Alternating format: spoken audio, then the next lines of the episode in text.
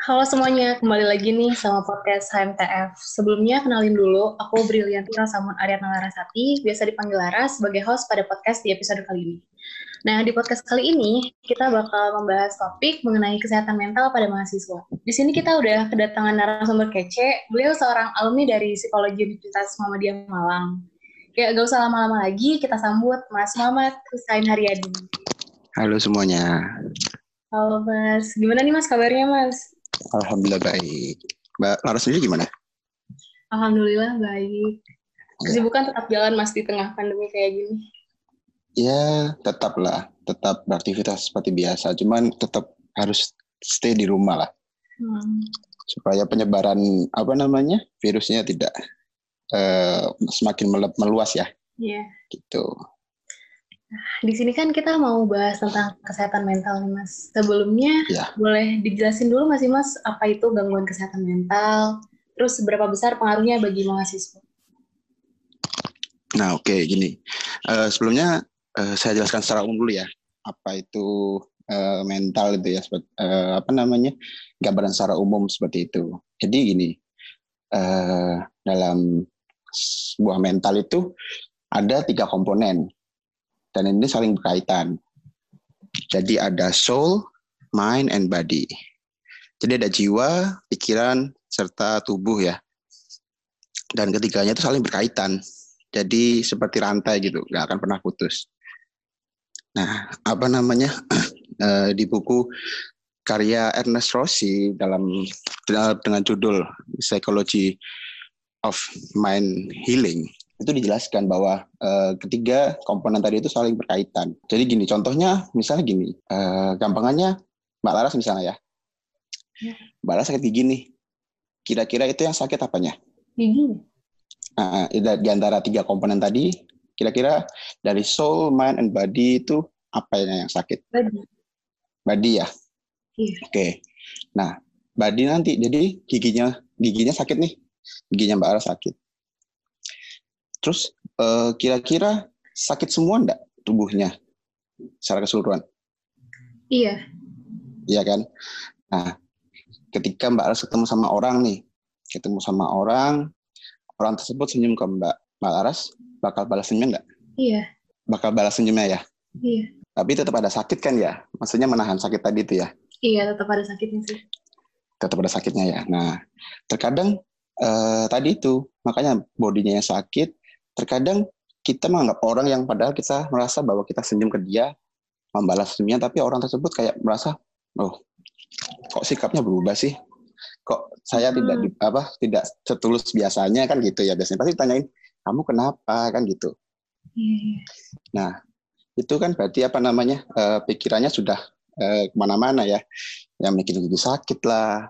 Terus habis itu nah nyambung lagi ke soulnya ke jiwanya. Jadi dari jiwa tadi apa dari uh, pertama body, terus habis itu mainnya udah ganggu. Nah jiwanya kita kadang-kadang mikir tadi itu ditanyain kamu kenapa. Nah akhirnya kita jelasin kan gigiku sakit gini gini gini akhirnya kan omongan negatif lah ya. Iya gigiku sakit nggak bisa makan senyum ke orang susah ya kan? Kan gitu. Seperti itu ya. Nah itu yang namanya eh, apa namanya keterkaitan antara soul mind and body tadi. Paham ya sampai sini ya Nah itu apa namanya jadi gini mahasiswa itu kan eh, sekarang mbak eh, saya mas saya tanya mbak Laras di IT apa di Surabaya itu kos atau di rumah sendiri? Kos. Kos ya. Eh, berarti eh, apa sejak sejak mahasiswa atau sudah dari SMA mungkin bisa dari orang tua? Sejak mahasiswa. Sejak mahasiswa ya berarti baru ini kan ya eh, bisa dari orang tua ya? Iya. Nah kira-kira uh, ketika pertama kali meninggalkan uh, keluarga ini berat nggak? Berat banget. Berat banget ya.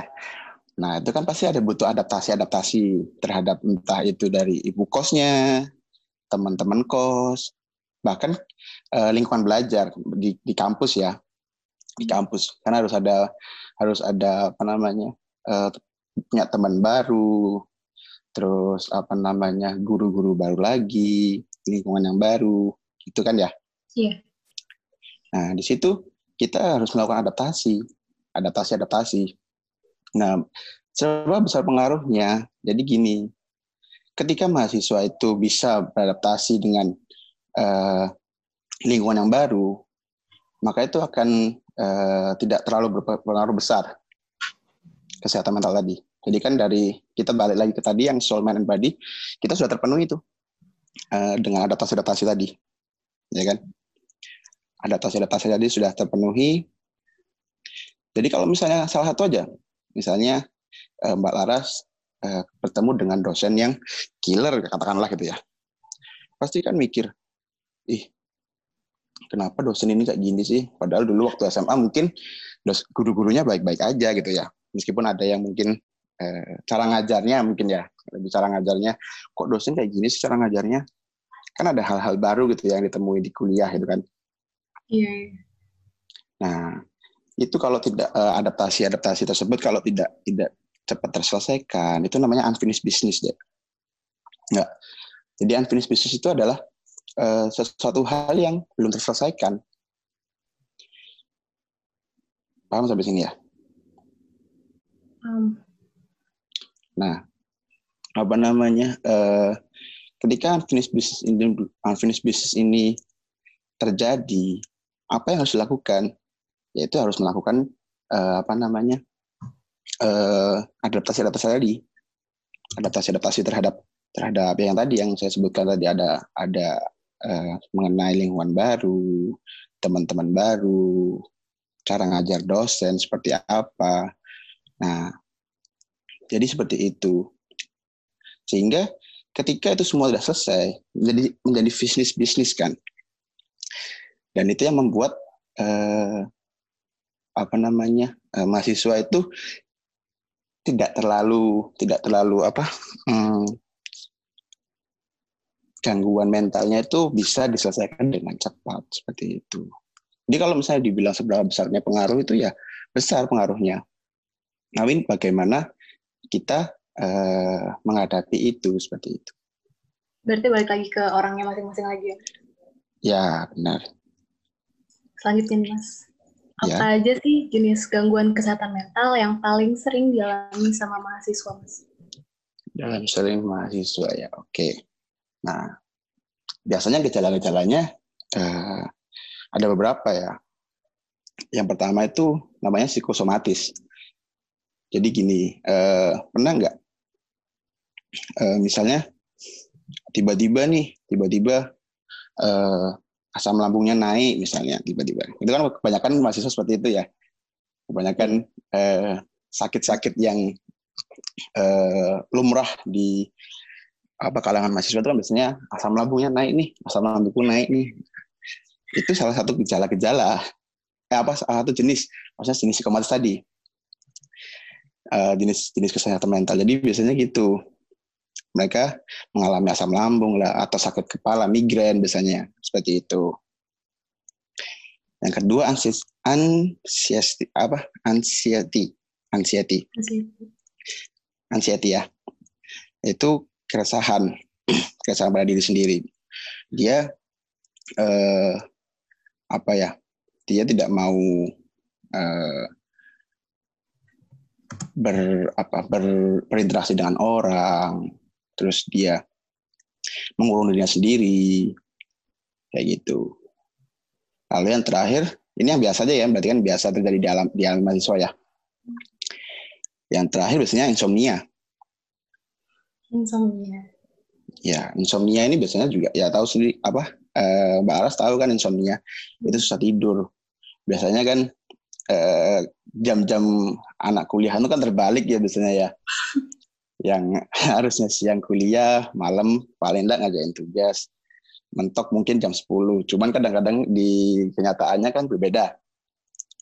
eh, kadang-kadang kuliahnya ditinggalkan, tapi maksudnya eh, kehidupan malam organisasinya lanjut, ngajain tugasnya lanjut. Biasanya sampai subuh, biasanya kan gitu ya. Jadi itu itu yang kadang-kadang uh, menjadi salah satu jenis jenis uh, gangguan kesehatan mental seperti itu. Apa sih mas ciri-ciri orang yang mengalami gangguan kesehatan mental? Hmm, ciri-cirinya ya tadi apa namanya uh, uh, dilihat dari gejala apa namanya jenis-jenis gangguan tadi kan bisa di bisa kita refleksikan bahwa yang pertama bisa uh, perasaan sedih terus, sulit merasa bahagia, terus badan ini terasanya apa namanya capek terus terus tidak apa nggak uh, mood ngapa-ngapain ya kan biasanya gitu ya hmm. seharian nggak nggak uh, malas ngapa-ngapain terus tadi juga sulit tidur nafsu makan menurun galau biasanya galau itu juga salah satu ciri-ciri orang yang uh, ini apa mengalami gangguan hmm. mental mengalami kesehatan ya mengalami uh, gangguan kesehatan mental. Terus takut iya. Takut yang tidak beralasan. Jadi ah aku mau misalnya aku mau ngampus nih. Eh enggak deh. Padahal enggak maksudnya eh, mungkin mau kumpul sama teman entah ada organi ada kumpul organisasi atau apa. Eh, eh, terus dia mau pakai misalnya mau pakai baju apa ya? Oh pakai baju ini aja lah. Hmm, jangan deh nanti takut dibilang orang seperti ini seperti ini. Padahal kan nggak nggak secara nggak apa ya nggak semua orang bakal mengomentari itu dan nggak semua orang juga uh, fokusnya ke baju yang kita pakai kan seperti itu. Ya kan? Terus kalau kalau huh? dia masuk kegangguan kesehatan mental gimana gimana? Kalau kayak insecure itu dia termasuk kegangguan kesehatan mental nggak mas Oh iya, jadi apa namanya uh, dari kalimat dari kata itu kan insecure. Jadi kita merasa bahwa oh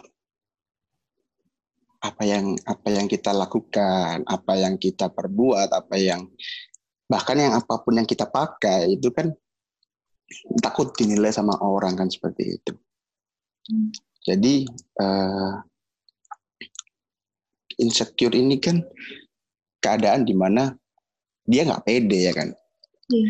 dia nggak dia nggak pede atas apa yang mereka apa yang atas kita kita perbuat apa yang kita lakukan hmm. itu itu tetap masuk masuk ke ini gangguan kesehatan mental seperti itu terus kalau uh, ini menurut menurut Hanselia ya penulis salah satu buku itu uh, terjadi yang namanya general adaptation syndrome di mana terjadi gejala-gejala jasmani seperti tekanan darah naik, detak jantungnya berdenyut secara cepat, otot-otot yang menegang.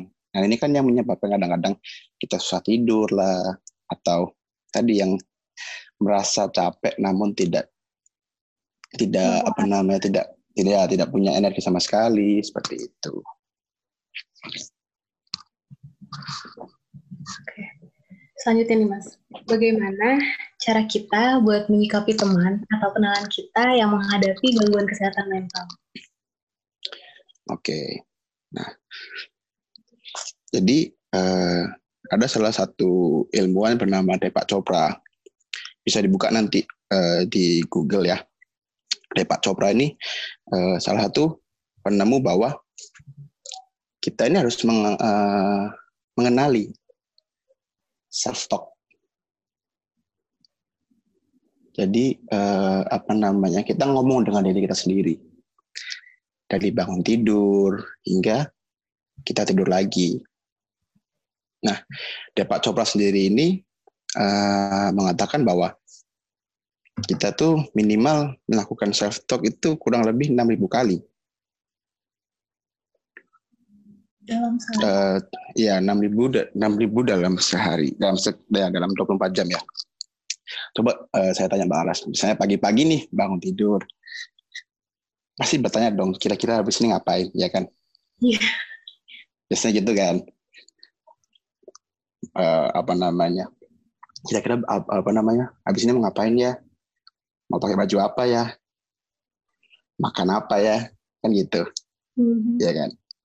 Nah itu kan namanya self talk kita. Kita menanyakan pada diri sendiri eh, apa namanya kita mau ngapain aja selama bangun tidur sampai kita tidur lagi seperti itu. Berarti ya. itu dilakukan secara nggak sadar gitu ya mas? Ya itu kan kadang-kadang kita sudah terbiasa nih kita sudah uh, apa namanya terbiasaan uh, ya sudah menjadi ini habit menjadi kebiasaan kita sehari-hari bahwa hmm enaknya hari ini ngapain ya? Mau ngapain ya? Mau makan apa aja? Kayak gitu. Oke terus uh, nah setiap harinya nih setiap harinya kita juga uh, mendapat kurang lebih 500 sampai 600 kata negatif dari orang lain. Gitu.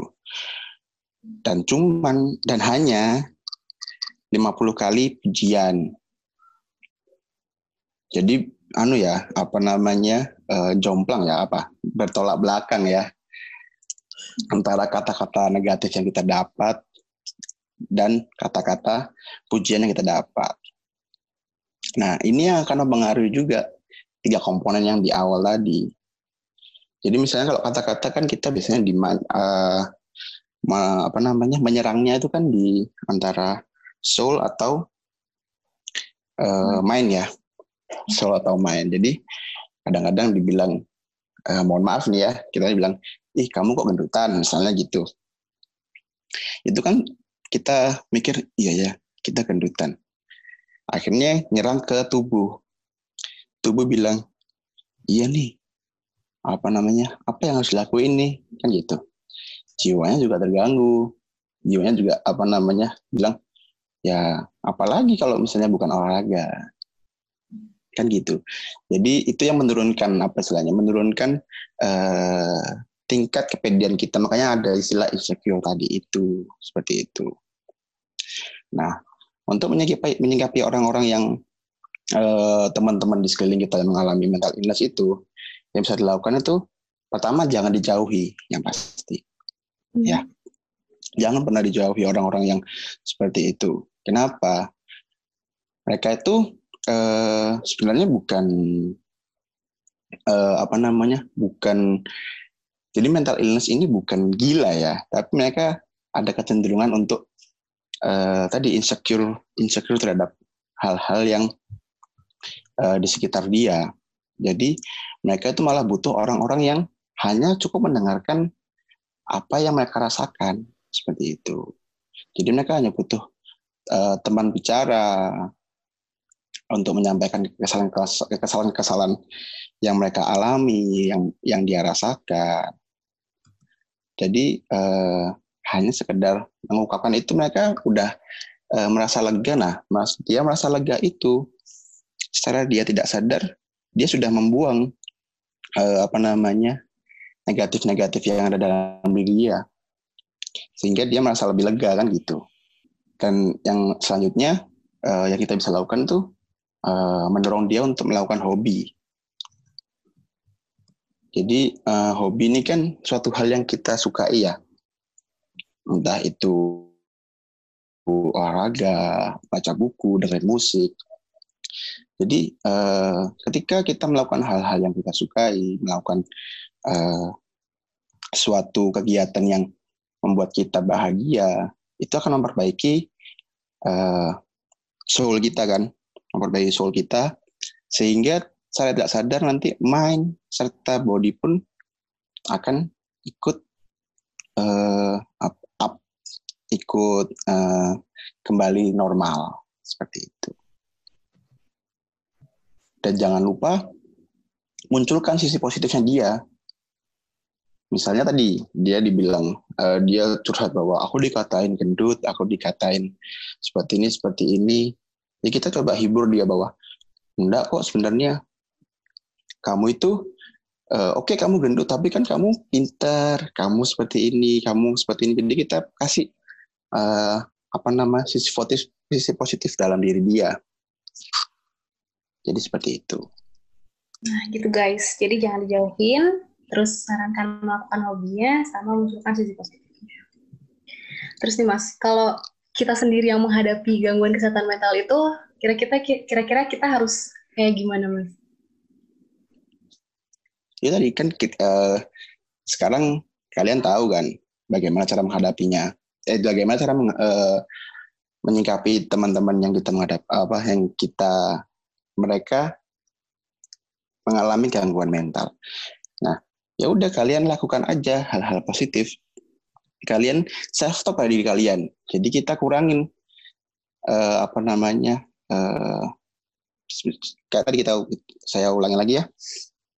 Dia ada orang nih ngatain kita. Kamu gendut. Jadi kita katakan pada diri kita bahwa enggak kok kita enggak gendut. Kita tetap pede aja. Kita tetap pede dalam uh, apa namanya dalam melakukan hal sehari-hari jadi kita tetap terus self talk pada diri kita sendiri hal-hal positif dalam tubuh kita. Itu yang pertama. Lalu yang kedua uh, terus uh, berolahraga. Secara tidak langsung memang olahraga ini kan uh, membentuk imun ya. Tubuh hanya mem, uh, memperbaiki tubuh ya. Tapi kan tadi kalau kita balik ke awal ada keterkaitan antara tiga tadi antara soul, mind, and body. Jadi uh, dengan kita olahraga itu tubuh menjadi fit, pikiran pun akan baik, dan jiwa semakin sehat. Seperti itu.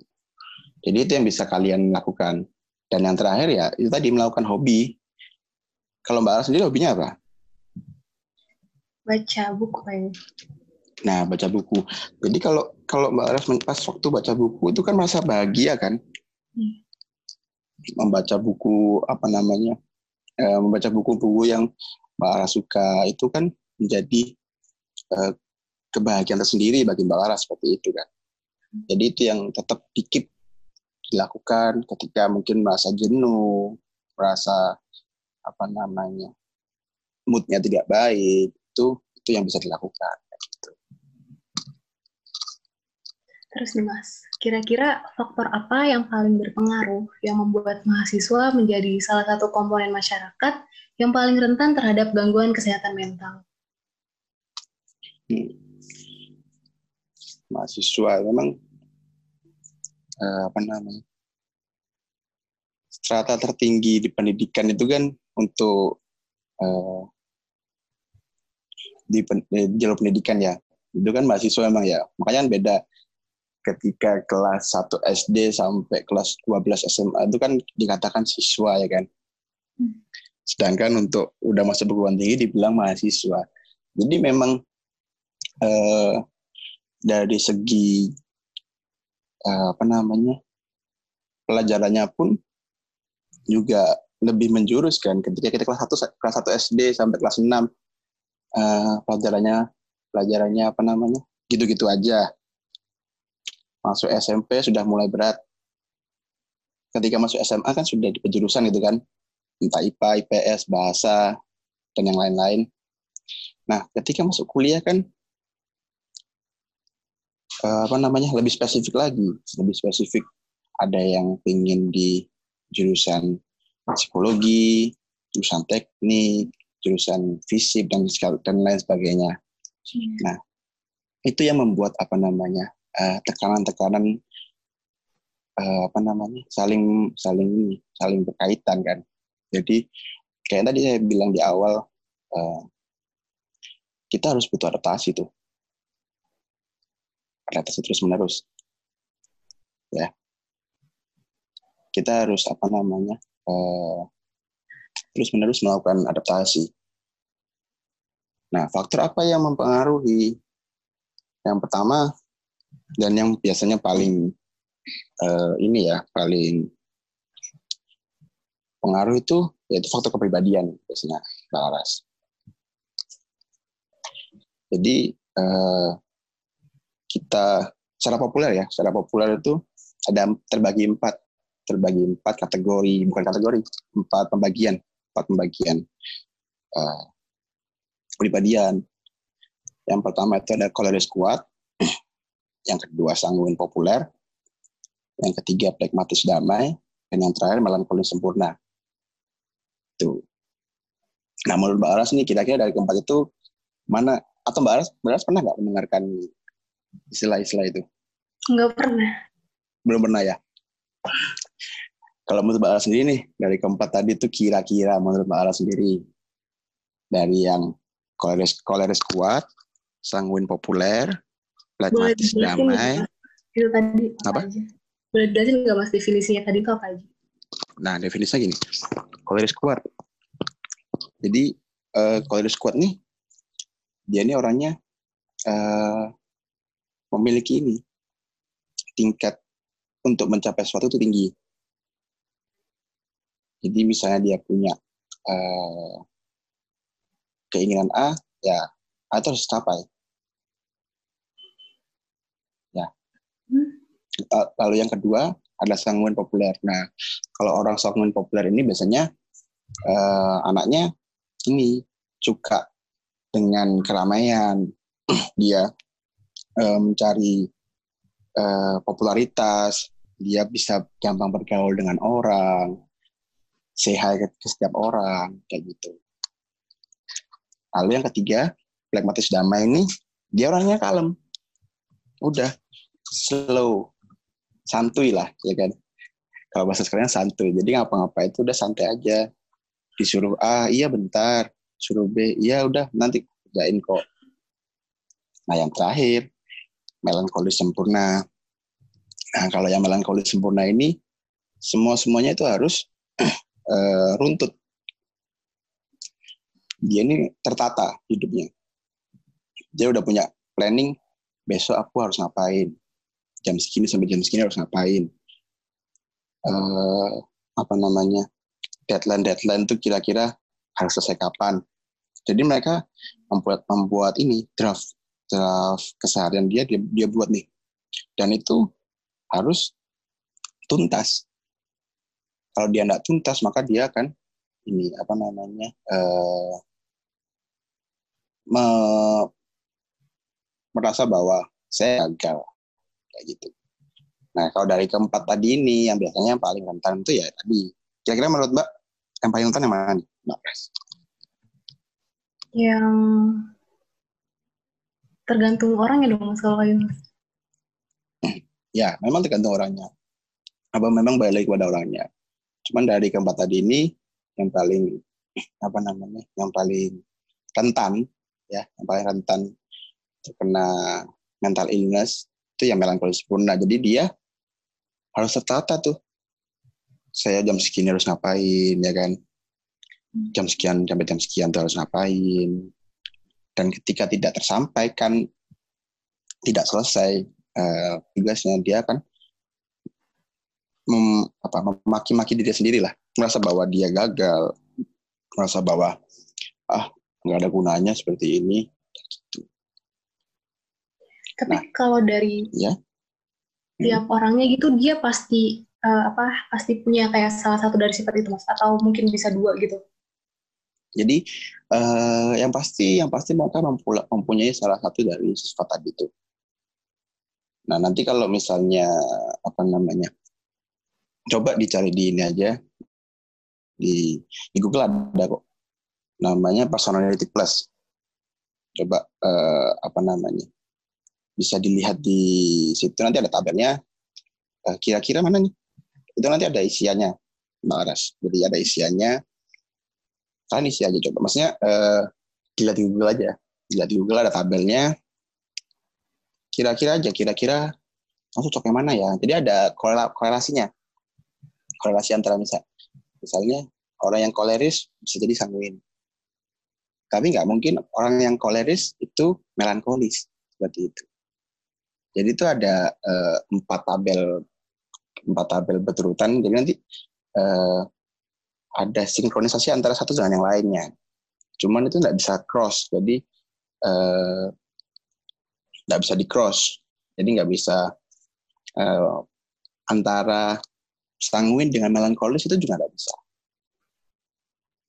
Bingung ya? Bingung? ini aja nanti coba di, di ini aja coba nanti di Google silakan Google atau nanti saya kirimkan lah gambarnya Hmm. gitu. Nah, terus apa namanya? eh biasanya mahasiswa ini kan eh kayak tadi ya yang dibilang insecure segala macam. Beban-beban beban-beban kuliah, beban-beban eh, organisasi. Nah, itu bisa yang dilakukan kalian melakukan juga yang namanya coping stress. Jadi uh, coping stress itu hampir sama yang saya bilang tadi bahwa uh, kita sedang mengalami stres ya, stres tentang tugas-tugas, tentang uh, organisasi, entah tentang teman. ya, itu kalian bisa melakukannya itu dengan apa namanya tadi melakukan hobi terus apa namanya entah jalan-jalan refreshing lihat kebun-kebun hijau itu kan juga bisa menurunkan stres. Dan juga eh, apa namanya kurangi yang namanya self bullying atau bisa atau, paling enggak stop lah. Kalau bisa di stop self bullying soalnya apa? Kadang kalau kita lihat ya uh, kenapa kok mahasiswa ini paling tinggi? Karena kan ada yang namanya uh, puber. Masa puber ya? Peralihan jenjang dari uh, remaja masuk ke dewasa awal. Hmm.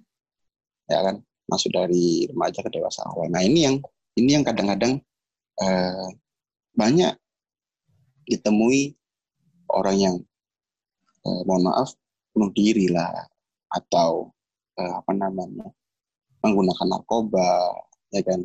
Untuk apa? Untuk menghilangkan stresnya kan? Untuk menghilangkan stres. Nah ini yang namanya eh, ini yang kopi yang salah kopi stres yang salah seperti itu. Menggunakan obat-obatan alkohol terus apa namanya eh, merokok bahkan jadi itu coping stress yang salah seperti itu. Jadi cukup uh, melakukan hal-hal yang positif aja. Kayak gitu. Oke. Terus nih Mas, zaman sekarang kan hampir semua orang punya sosial media tuh. Kira-kira ya. sosial media tuh punya peran penting nggak sih Mas terhadap gangguan kesehatan mental, terutama untuk mahasiswa? Peran media sosial ya. Uh, kalau saya bilang jelas ya, jelas memiliki uh, peran yang penting. Karena kenapa? Jadi media sosial ini punya dua dua mata pisau ya.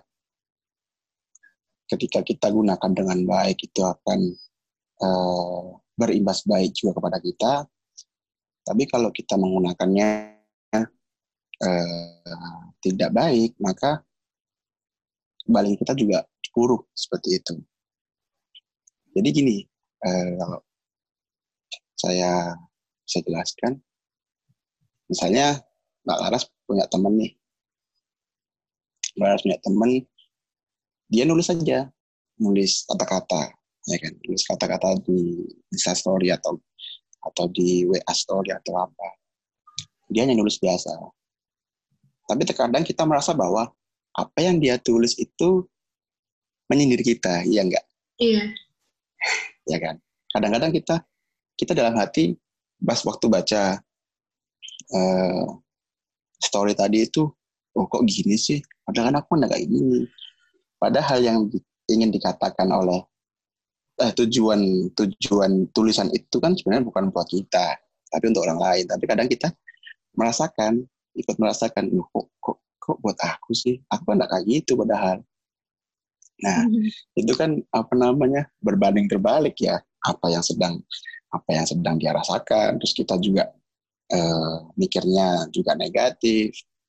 Nah itu, jadi eh, itu kan apa namanya eh, ketika kita buka media sosial dan eh, ada kata-kata seperti itu, entah kalimat, entah foto ya, entah pokoknya yang berada di media sosial itu itu kan uh, stresnya tinggi.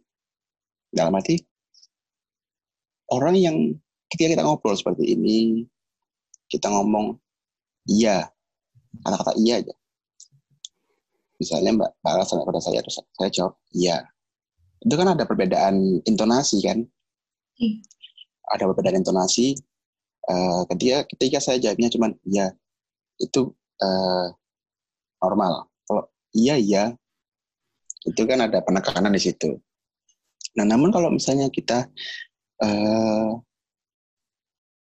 lagi chattingan atau melihat fit-fit tadi, itu kan kita tidak bisa mengetahui intonasi seperti apa yang sedang dia sampaikan.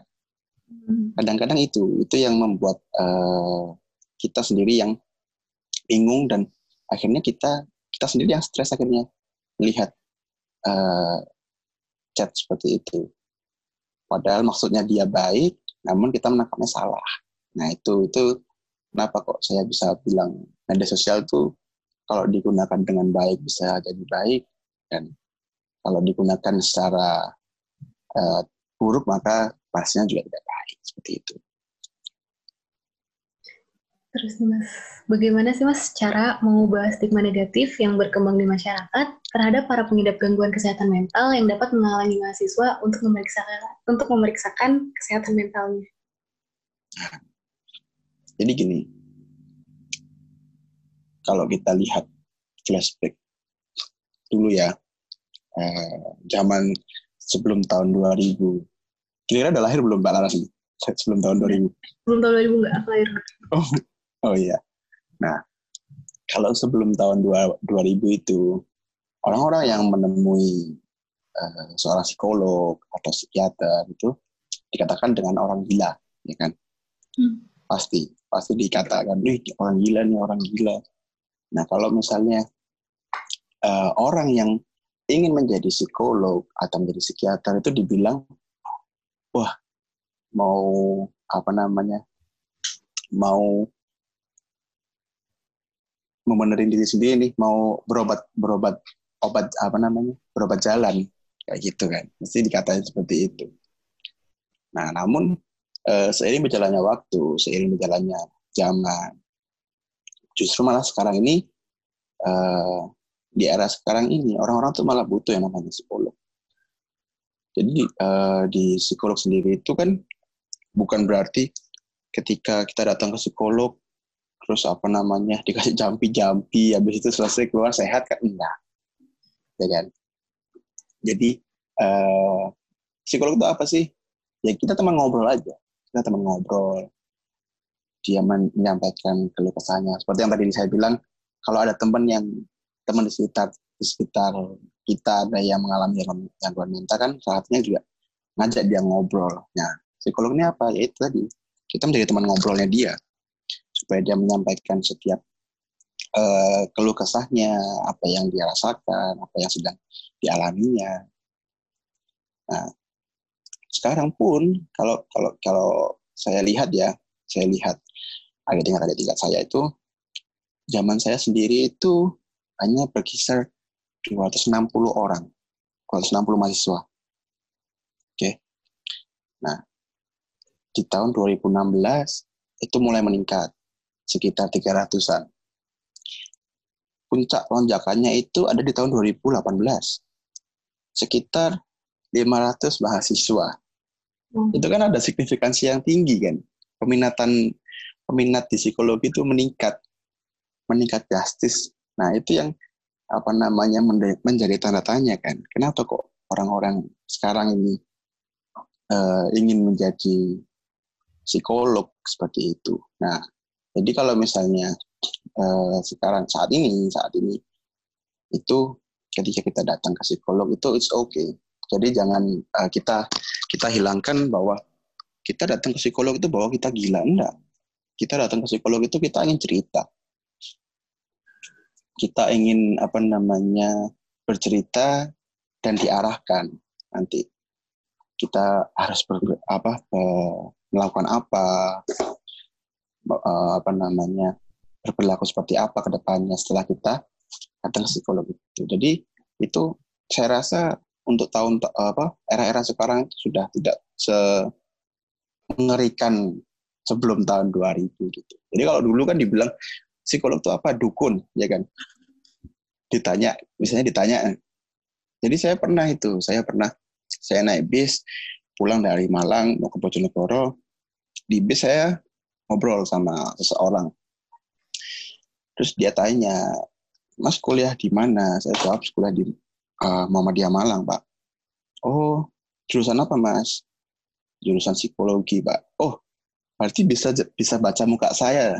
Ya, saya jawab aja, oh ya Pak bisa kan buka Bapak seperti itu terus sampai saya baca gitu jadi itu apa namanya eh, stigma-stigma masyarakat mengenai orang psikologi kan gitu dikira kita dukun dikira kita bisa membaca kepribadian secara ya kan kalau coba Mbak Lara sendiri ketika dulu apa namanya berpikir gimana tentang anak psikologi ini? Ya juga sih pasti mikirnya kayak wah bisa baca pikiran orang nih gitu. Iya kan, pasti mikirnya kan kayak gitu.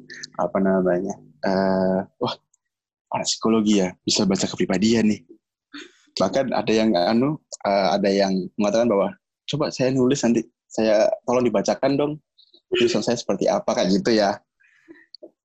Nah itu apa namanya? Uh, stigma-stigma seperti itu tuh yang masih ada ketika orang-orang lama atau bumi boomers ya.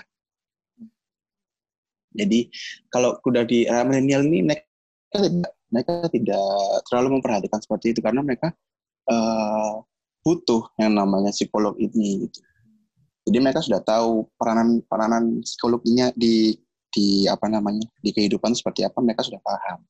Jadi tidak perlu takut lagi kalian untuk datang berkonsultasi, sekedar bercerita terhadap uh, keseharian kalian, uh, apa namanya masalah masalah-masalah yang kalian hadapi, itu nggak apa-apa kalian bisa bisa sharing uh, ke psikolog-psikolog. Gitu. Uh, bentuk campur tangan seperti apa sih yang di ya sorry bentuk campur tangan seperti apa sih dari pihak kampus yang ideal untuk meminimalisir jumlah mahasiswa yang mengalami depresi? atau mungkin ada fasilitas-fasilitas apa yang harusnya diberikan oleh kampus hmm. kayak gitu ya jadi yang tadi saya jelaskan sebelumnya eh, sekarang banyak kan tersebar di setiap kampus atau di setiap eh, bahkan setiap kampus itu pasti ada yang namanya biro kesehatan kan di kita sendiri ada untuk biro kesehatan ini ada kayaknya di medical centernya. Nah, apa namanya? Uh, dia menyediakan ini enggak biro konsultasi nggak? Wah, kurang tahu. Kurang tahu ya.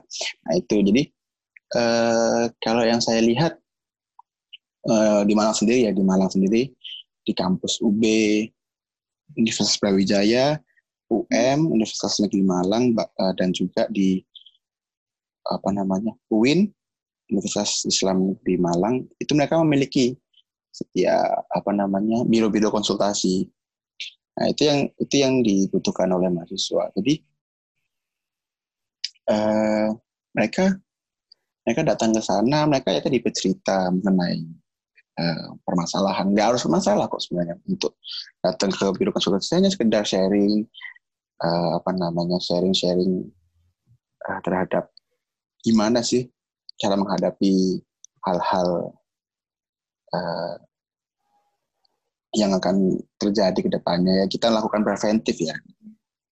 Hal-hal preventif. Kita bisa sharing sama mereka. Kita bisa uh, bercerita apa ngalur ngidul kalau kalau bahasanya bahasa Jawanya ya kita bisa hmm. cerita ngalur ngidul mereka nah apa namanya itu yang yang bisa bisa di uh, apa namanya bisa dilakukan oleh kampus biasanya yang disediakan fasilitas yang bisa disediakan oleh kampus.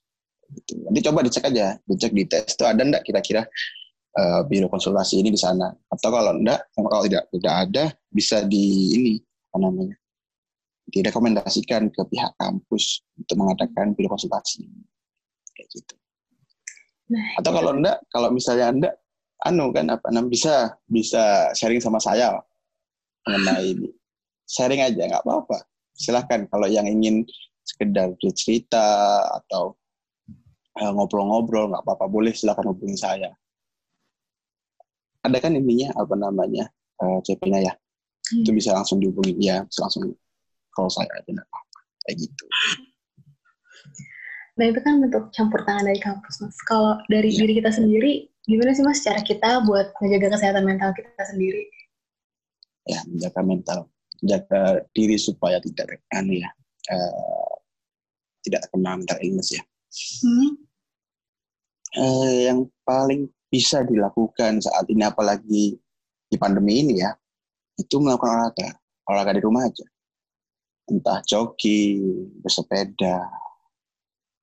Karena tadi kita apa namanya eh, di awal tadi kan saya bilang yang, yang soul mind and body. Nah kita saat ini bisa bisa apa namanya eh, yang paling mudah untuk diperbaiki yaitu adalah olahraga. Kan sulit dong kalau misalnya apa misalnya eh, hobi juga itu bisa dilakukan. Kalau sulit misalnya kalau hobinya dia shopping saat ini kan sulit ya, ya kan berkeliling mall itu kan juga pasti dibatasi oleh pemerintah pasti bakal eh, dimarahi sana sini ya kan, apalagi dengan kemarin tiba-tiba mall dibuka kayak gitu kan, mereka langsung ya, mereka langsung rame kayak gitu. Nah, jadi hal yang paling mudah saat ini dilakukan yaitu olahraga. Dan yang kedua juga tadi saya bilang melakukan hobi. Hobi-hobi mungkin kalau yang tadi ya bilang kalau misalnya hobinya shopping itu ya mungkin bisa. Cuman ya apa namanya mungkin dari uh, toko-toko online, ya online shop seperti itu. Nah, lalu yang ketiga perlahan-lahan mengurangi penggunaan media sosial. Jadi eh, kadang apa namanya bangun tidur nih, bangun tidur itu sudah langsung cari HP-nya, ya. Balas gitu nggak? Iya. Biasanya gitu ya. Jadi apa namanya? Uh, memang tidak bisa dipungkiri ya, Mbak. Apa namanya? Kita sebagai kaum milenial itu kan sudah sangat tergantung yang dengan namanya gadget ya. Gadget, media sosial itu sudah sangat tergantung. Uh, apa namanya? Nah, tapi tergantung juga tadi yang penggunaannya seperti apa. Ketika kita menggunakannya dengan hal-hal yang positif, kita menggunakan gadget dan media sosial untuk mencari misalnya uh, mencari materi-materi baru, kita mencari uh, apa namanya hal-hal yang berbau positif itu masih is okay. Tapi kadang-kadang tadi yang saya bilang terkadang di media sosial di feed-feed media sosial itu kan lebih banyak kata-kata sampah ya, lebih banyak eh, hal-hal uh, yang uh, tidak mendidik ya, tidak men, tidak apa, tidak mempunyai moral gitu kan. Nah di situ kita bisa filternya di situ.